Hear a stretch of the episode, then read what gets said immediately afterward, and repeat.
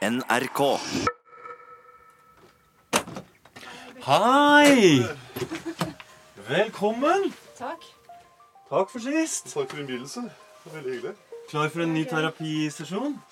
Ja, det, jeg gleder meg veldig. Det er, uh... Hvor lenge er det siden sist? Et halvt år. Et halvt år. ja. Let's come together and let's get Brexit done by October the 31st.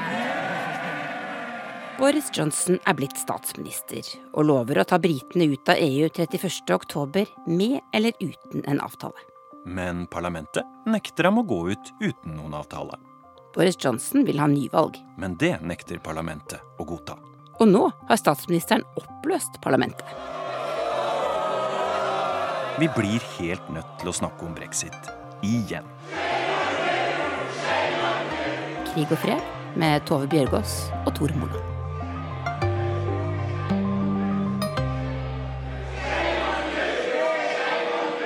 Det er vanskelig. Og så til og med med min egen kone så blir jeg da så oppgitt over hva som skjer.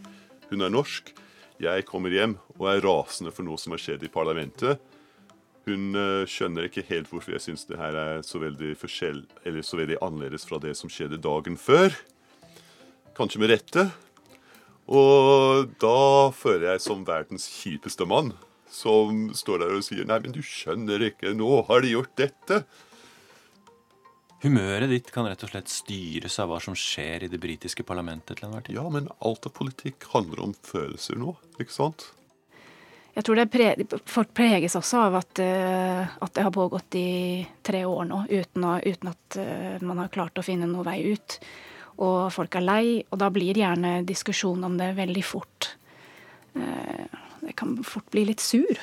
Så det, det Jeg syns det er fint å kunne snakke om det i krig og fred. Jeg heter Ben McPherson, jeg er skotte. Jeg bor i Oslo og er blitt romanforfatter. Og jeg er Helen Rist. Jeg er engelsk, har bodd i Norge i snart 15 år. Jeg jobber i en norsk etat og er fotballmamma i fritiden. Ben og Helen har vært gjester i Krig og fred før, i en litt terapeutisk episode vi kalte Britisk familieterapi.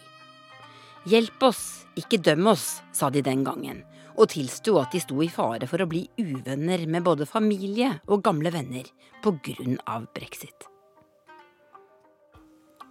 Man blir så vant til å få sjokk og sjokknyheter.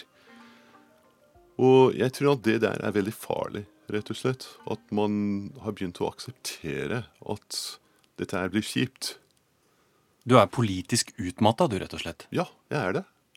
Og jeg ønsker ikke å være det. Jeg håper å få tilbake hva skal jeg si, litt omf. Men uh, hvor jeg skal finne den omfen, det vet ikke jeg. Helen, du så jo Parliament TV som om det skulle være TV-serier på Netflix eller HBO. Har du entusiasmen for det som skjer eh, ved like? Ja, nå blir det noen utålmodig venting på neste sesong, da, når alt er stengt i eh, mange uker. Men eh, jeg, altså, jeg kjenner meg litt igjen i det Ben sier. Eh, og så er det visse motsetninger, da. Man er lei av hele greia og utmattet, samtidig som man føler at det ikke er ferdigsnakka. Så man vil ikke stenge ned samtalen, samtidig som man egentlig vil. Så det er, det er veldig det er rart, og, og det er en grunn til at statsministeren og, og, hans rådgivere uh, bare hamrer igjennom med dette budskapet. Let's get it done, get it done, get Brexit done. The most important thing is to get Brexit done. Can you make a promise today to the British public that you will not go back to Brussels and ask for another delay to Brexit? Yes, And sorry. I can. And would you I'd rather, rather, be, I'd rather be dead in a ditch. Jeg vil heller ligge daud i ei grøft enn å gå tilbake til EU og be om en ny utsettelse, smeller det fra Boris Johnson. Gang på gang etter at han ble statsminister i sommer, har han lovet at 31. oktober er datoen Storbritannia endelig forlater EU. What on earth is the point of a further delay? Men parlamentet har vedtatt en lov som tvinger ham til å be om en ny utsettelse hvis han ikke klarer å få til noen avtale først. The ayes to the right, 328. The nose to the left, 301.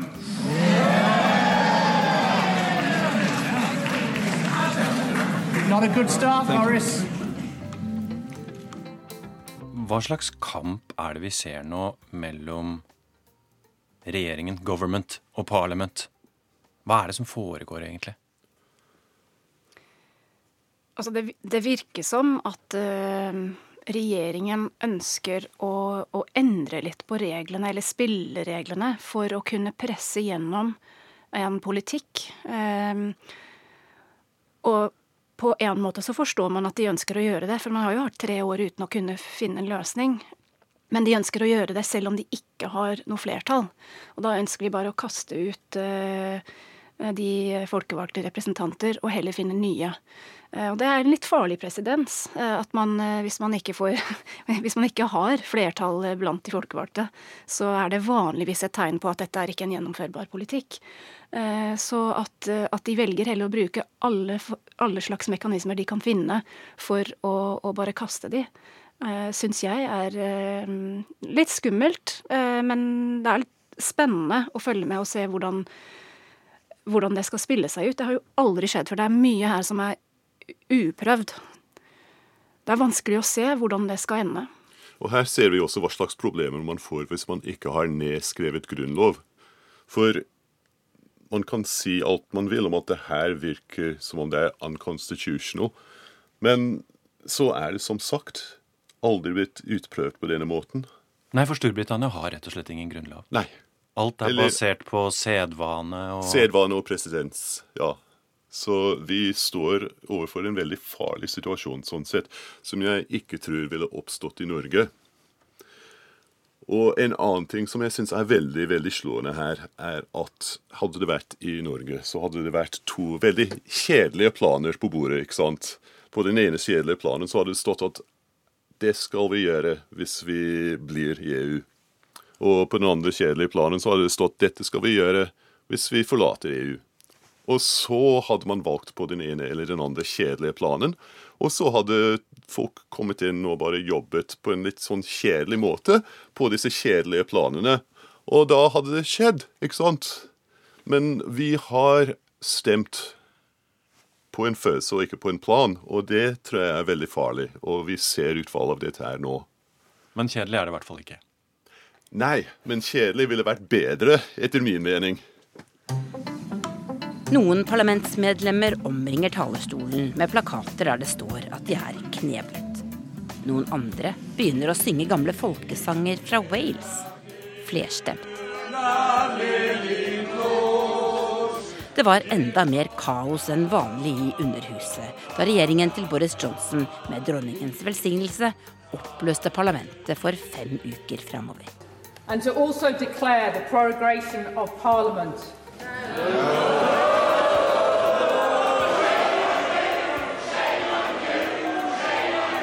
Skam dere, skam dere, skam dere, ropte de folkevalgte. På vei ut i en ufrivillig ferie. Jeg heter Espen Aas, er journalist og programleder i NRK og var korrespondent for NRK i Storbritannia fra 2013 til 2017, altså under brexit. Du har tatt med deg eh, Union Jack-koppen eh, breddfull av eh, svart kaffe. Det trengs kanskje. Kan du oppsummere situasjonen nå for oss? Det interessante er jo at Boris Johnson, som føk inn på, på, scenen med skjorteflak og håret til alle kanter og skulle rydde opp, har jo klart å manøvrere seg akkurat der hvor uh, Theresa May uh, mer eller mindre var da de dyttet henne utenfor uh, stupet. Uh, og der står han jo egentlig fast. Uh, ikke får han uh, noe nyvalg, og de har vedtatt en lov som gjør at ikke han kan gå ut av EU uten en avtale. selv om han jo fortsatt står på det narrativet om at han skal gjøre det som han har lovet.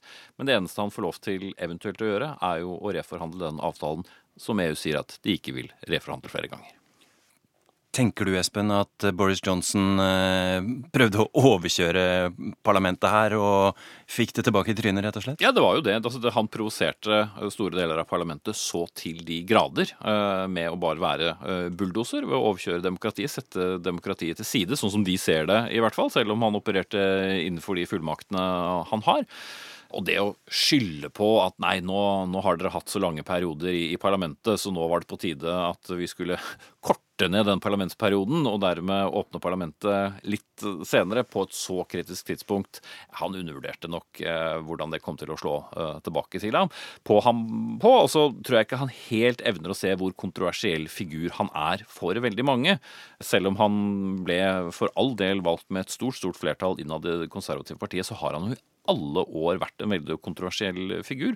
Mange syns jo at han var en, en tullete klovn i, i, i, mange år. Og selv om han for så vidt uh, var en suksess langt på vei, i hvert fall, uh, som borgermester i, i London uh, gjennom to perioder, så var det ikke like suksessfullt å være utenriksminister, hvor han dolket sin daværende statsminister i ryggen, forlot alt, slapp alt han hadde i hendene og sa nei, dette fungerer ikke, og så buser han inn og tenker at han skal gjøre nesten det samme, bare litt raskere og litt bråere.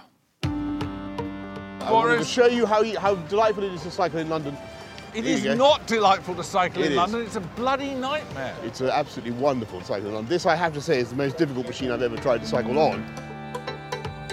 Espen Aas, eh, jeg var eh, korrespondent i London da Boris Johnson ble valgt eh, til borgermester i byen. Du var korrespondent da han avslutta perioden sin. Hvilket inntrykk satt du med han den gangen? Han var jo en av de første politikerne jeg faktisk traff og intervjuet, eh, og da var han jo nærmest en sånn superhelt. Eh, han syklet gjennom eh, byen i dressen sin med en eller annen festlig hjelm på hodet, og hvis du da var i nærheten av, av London Bridge stasjon, hvor kontoret hans lå, så kunne du høre folk som bare rope 'Boris!' Og han vinket, og han var jo den politikeren som alle var på fornavn med. Og det rare, hvis du tenker på hvor privilegert han egentlig er, så gikk han jo veldig hjem hos folk. Og helt på slutten av hans eh, borgermesterperiode så var jeg nede i, i Sør-London, i Croydon, bydelen Croydon, hvor han hadde en sånn slags eh, borgermesterens spørretime. Og da intervjuet jeg bl.a. Eh, flere på ytre venstre politisk sett som, som var der for å Eh, protestere mot han. Han har bl.a. lagt ned den lokale brannstasjonen. Men så ble jeg stående og snakke litt med dem, og så spurte jeg han ene men hva tror du da, ville han blitt en god statsminister? Og da lyste det samme oppsagte brannmannen til og bare sa ja ja, eh, statsminister det ville vært helt strålende. Sånn Hvorfor det? Ja, nei, han er, han er, liksom sånn god på å, å smile til i det ene øyeblikket, og så holder han en kniv bak ryggen din i det andre øyeblikket, og så er men er det en god ting? Jo, jo, men han snakker i hvert fall så vi skjønner det. Og den er helt sånn forvirrende oppfatningen av at dette var i hvert fall en, en, figur som ikke var så elitistisk, selv om han jo er det.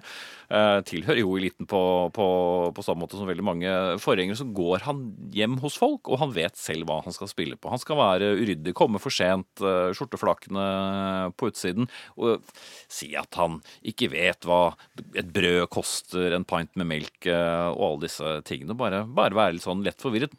Hva er det du sier da? Er han mer utspekulert enn han framstår som? Ja. Veldig utspekulert. Mr. Speaker, I don't want an election. The public don't want an election. I don't believe the right honourable gentleman wants an election. Han er en fantastisk vanskelig person å lese. Jeg har vært på enerom med ham på møte for mange år siden prøvde å lage en, en dokumentarfilm om Spectator Magazine da han var redaktør der. Og han var verdens mest sjarmerende. Og han er veldig vanskelig å få tak i. Rett og slett. Hvordan er egentlig dette mennesket som jeg sitter overfor? Hva, hva er det han egentlig mener? Han er veldig vant til å bruke sjarmen sin. Han er kanskje litt mindre sjarmerende nå enn det han var for 10-15 år siden. Eh, litt mindre pen også. Du ser på ham at han, har, han ser trøtt ut nå. Han ser sliten ut. Han ser ut som om han ikke sover.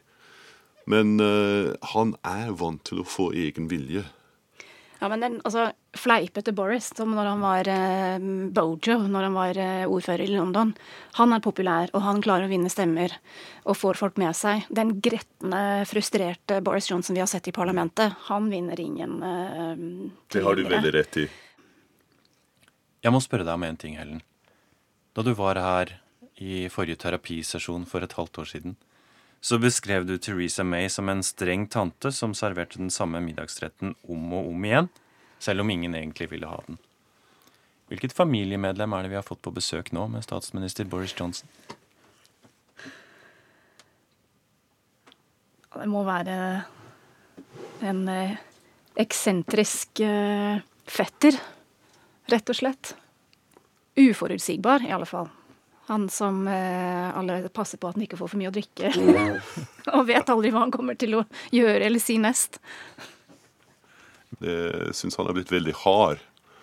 Og det er ikke noe som man hadde assosiert med ham før.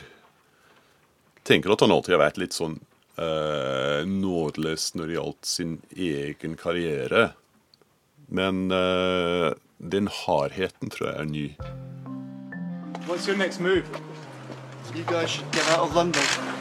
Go and, talk to people who are not rich remainers. Kom dere ut av London og snakk med noen andre enn rike folk som vil bli i EU, bjeffer Dominic Cummings til journalistene som omringer ham. What do you think's going to happen? What's your next move? Will Britain leave the EU on time? Sure. Med ryktet som ei bølle holder han seg helst i bakgrunnen. Helst uten både jakke og slips. Men dette er mannen som ledet valgkampen for å få britene til å stemme nei til EU, og som nå påstås å lede troppene for Boris Johnson i 10 Downing Street. We're about to ask the biggest question in a generation. In or out? And we need a leader. I spillefilmen An Uncivil War blir han framstilt som den kyniske, kalkulerende hjernekraften bak brexit. The fight for Britain begins. Eh, vi vet at han fremstiller seg selv som en eh, geni på data og eh, meningsmåling og, og budskapsformidling. Men han er en litt sånn mystisk figur, på en måte. Det er svært vanskelig å vite hvor mye makt han har. Man hører rykte om at det er han som driver alt dette.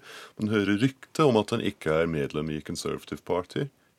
Men man vet faktisk svært lite. Og så har han en forakt for parlamentet. Eh, så det, jeg kan tenke meg at han koser seg med at det er så mye splittelse og, og uro der. Denne historien om brexit, har den noen helter eh, for dere? I kind of love John Burko. Jeg er veldig overrasket over hvor godt jeg liker ham. Jeg er veldig overrasket over hvorvidt jeg syns han er blitt en helt. Order! Order! De myndige, litt teatralske og litt desperate ropene om ro i salen har gjort Speaker of the House John Burkov noe nær verdensberømt. Colleagues, I would like to make a personal statement to the House. Men nå har han kunngjort at han trekker seg fra ordstyrerrollen i Underhuset. At the close of business on Thursday October the 31st. Ironisk nok på datoen 31. oktober. Som takk for innsatsen fikk han varm applaus fra alle i Underhuset, unntatt dem i sitt eget parti. Men hva sier det om dem? Det er, det er det som jeg syns er så rart. Rett og slett. Det er ikke noe gentlemanly med deres oppførsel. Selv om det her liksom er gentlemanene som er i kontroll nå. Det er noe som er så Jeg kommer til å bruke et annet britisk ord. Unsportsmanlike. Det er så kjipt og så stammeaktig, rett og slett. Og det er så vanskelig å skjønne hvordan vi kan ha havnet der. Vi er briter, rett og slett. Det er ikke sånn vi gjør slike ting. Han øh, tilførte mye, men han ble kanskje litt øh, too big for his boots. Sikkert øh, er det de i konservativpartiet som mener at han tok for mye plass. Uh, Istedenfor å, å være ordstyrer og, og fasilitere debatten at han begynte å føre det i en eh, retning som speilte hans egne meninger og politikk. Jeg syns det har vært uh, mange helter å finne, uh, hvis man følger med, følger med, brexit som uh, litt på nølete måte, sånn som jeg gjør. I want to, I suppose, speak really, really plainly and say that tonight I will absolutely vote against a general election, just like I would vote against pretty much anything the current Prime Minister put in front of me. Der er flere andre i Labour-partiet, f.eks., sånn som Jess Phillips og David Lammy, som har plutselig kommet eh, til, til, synlighet fordi de har vært så tydelige og snakket direkte på en veldig um, enkel og, uh, og, forståelig måte. Some bully boy game yeah. of some bully boy public school that I probably won't understand any more than I understand parliamentary procedures. Jess Phillips for eksempel, sa i parlamentet at hun eh, forstår seg ikke på disse eh, privatskoleleker som, eh, som resten fører. Um, men det er en, altså det, fra, fra, utsiden i alle fall, så ligner det som litt gammeldags eh, skolehierarki. eh, hvor det er en elite som styrer og råder, og hvis du vil være med deres gjeng, så må du gjøre, mene det samme og gjøre det samme som de sier. Eh, og på den måten så har en ganske smal elite i Konservativpartiet fått med seg å, å fremstille seg som populistisk, og fått med seg en eh, velgermasse som tradisjonelt ikke har identifisert seg med conservatives.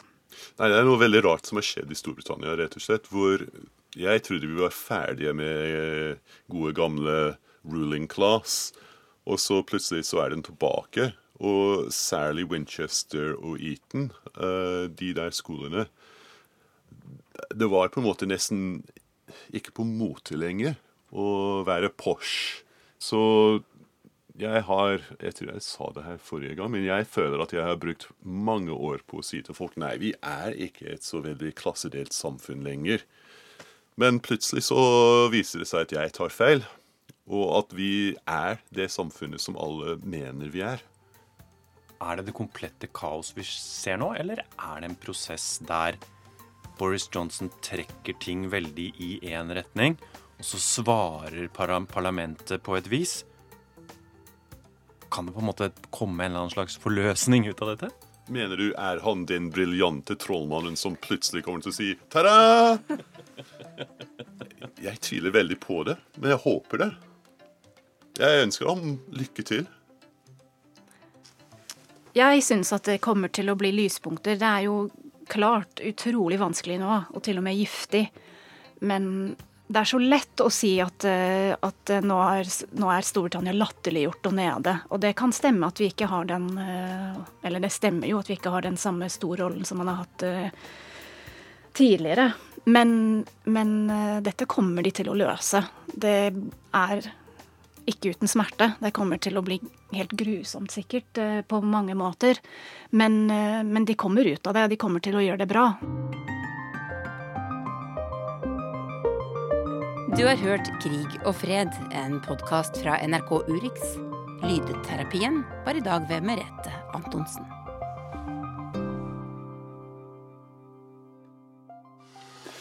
Ja. Det er synd at, ikke, at, jeg ikke kunne ha med meg min onkel Steve. Ja, jeg, skulle til, jeg, skulle til, å spørre om onkel Steve, men, eh, men, så tenkte jeg kanskje jeg skulle la det ligge. Ja.